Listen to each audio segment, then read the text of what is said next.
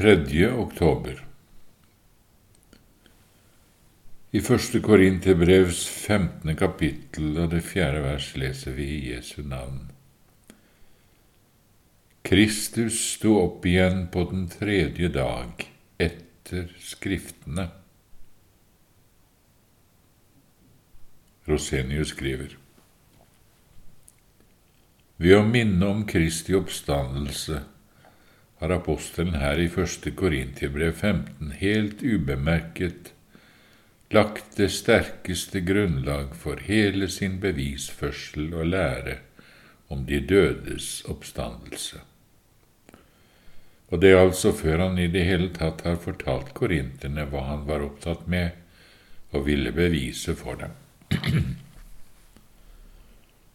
Dermed har han for det første oppnådd å føre dem fra deres egne flyktige tanker og meninger og over på den faste grunnvollen for all sann tro, at Gud har talt, at Gud har talt her på jorden. Og det Gud har talt, må ha evig gyldighet, uansett hva våre stakkars hoder og hjerter måtte ha av innvendinger. Himmel og jord skal forgå, men ikke den minste bokstav eller en prikk av Guds ord skal forgå. Dette er viktig å legge merke til her. For hele grunnen til all vår tvil omkring denne eller andre trosartikler er utelukkende dette at vi ikke kan begripe hvordan det kan være mulig. Vårt lille hode reiser seg mot den store Gud og vil, som Luther sier, ta Gud i kragen og spørre hvordan han kan tale slik. I vår blindhet husker vi ikke på at vi ikke engang forstår oss på vårt eget legeme og sjel, som vi har så nær oss. Vi fatter jo ikke mulighetene vi har i våre egne evner, vår hukommelse, vår tanke, vårt syn, vår evne til å tale, osv. Tenker vi grundig gjennom de evnene vi har bare i disse sansene, må vi bekjenne at de virkelig er Guds underfulle skaperverk, som vi ikke forstår oss på. Og likevel vil vi forstå selveste Skaperen, eller mestre ham og gjøre ham til en løgner straks han sier noe vi ikke forstår. Det er visst grunn til å spørre hvem av oss var Guds rådgiver da han skapte de første det første menneskets hjerne? Gud vær oss nådig, og la oss ikke bli dårer. Når altså apostelen nå begynner med å minne korinterne om hva som er blitt forkynt for dem etter Skriftene, vil han straks flytte hele spørsmålet over fra intellektets utgangspunkt til ordets klippegrunn. Troen skal utelukkende holde seg til ordet. Fornuften må ikke forsøke på å mestre hellige trossannheter, for da vil vi snart miste alt sant lys og ikke tro mer enn det bare vi ser med øynene og kjenner med hendene som at jeg skal tro på de dødes oppstandelse, at alle mennesker en dag på ny skal bli gjort levende, og vårt legeme og sjel igjen skal forenes slik som det er nå.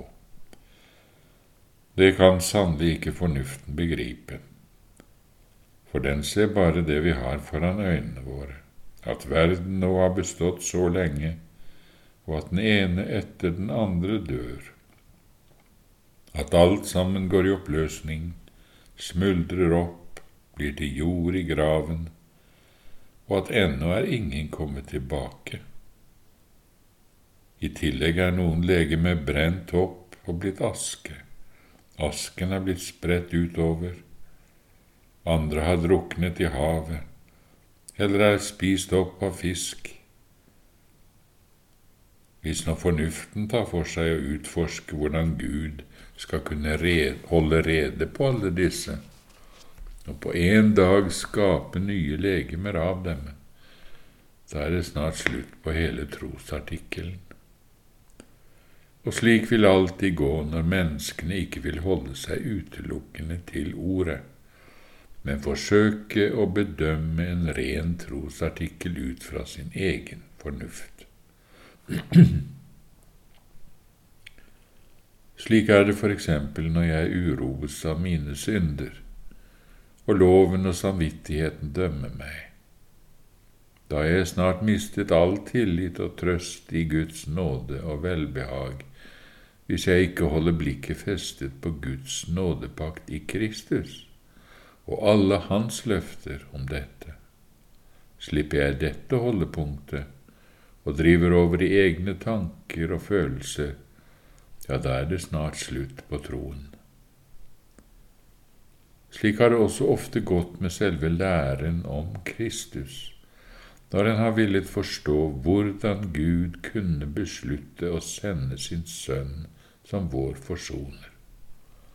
Hvordan Guds sønn kunne bli menneske, kunne gråte, be, lide og dø, eller hvordan Gud kunne la en stor del av verden være helt ukjent med alt dette, og ikke i sin allmakt la evangeliet bli mer utbredt, osv.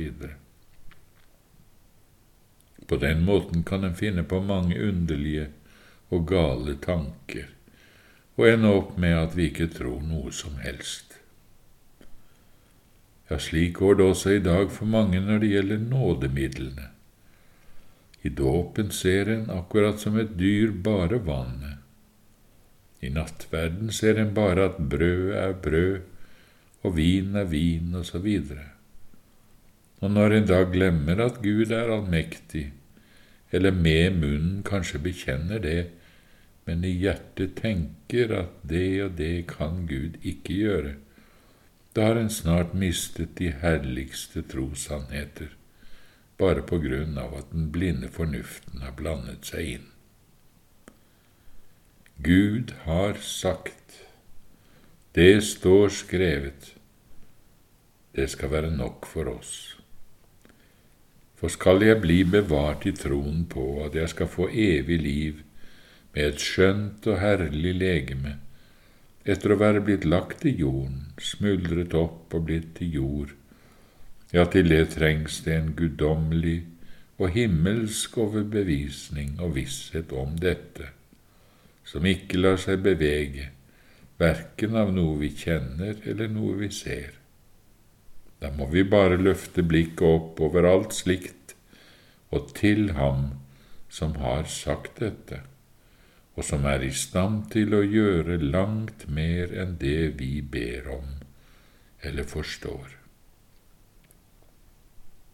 Det så heller ikke på noen måte ut som om Kristus skulle stå opp etter å være drept så grufullt og lagt i graven, forsegnet bak en stein. Nå var det sannelig altfor vanskelig å tro at han skulle være herre over død og grav. Men fordi han har sagt det, han som har skapt alle ting, så måtte det skje. Og på det samme Guds ord skal også vår oppstandelse en dag bli virkelighet. Så utrolig, ja, utenkelig det enn synes for vår fornuft fordi Gud selv har sagt det, og han kan ikke lyve. Nå ser vi kanskje klarere hvor viktig det var her at apostelen straks førte korinterne inn på det uguddommelige ordets klippefaste grunnvoll.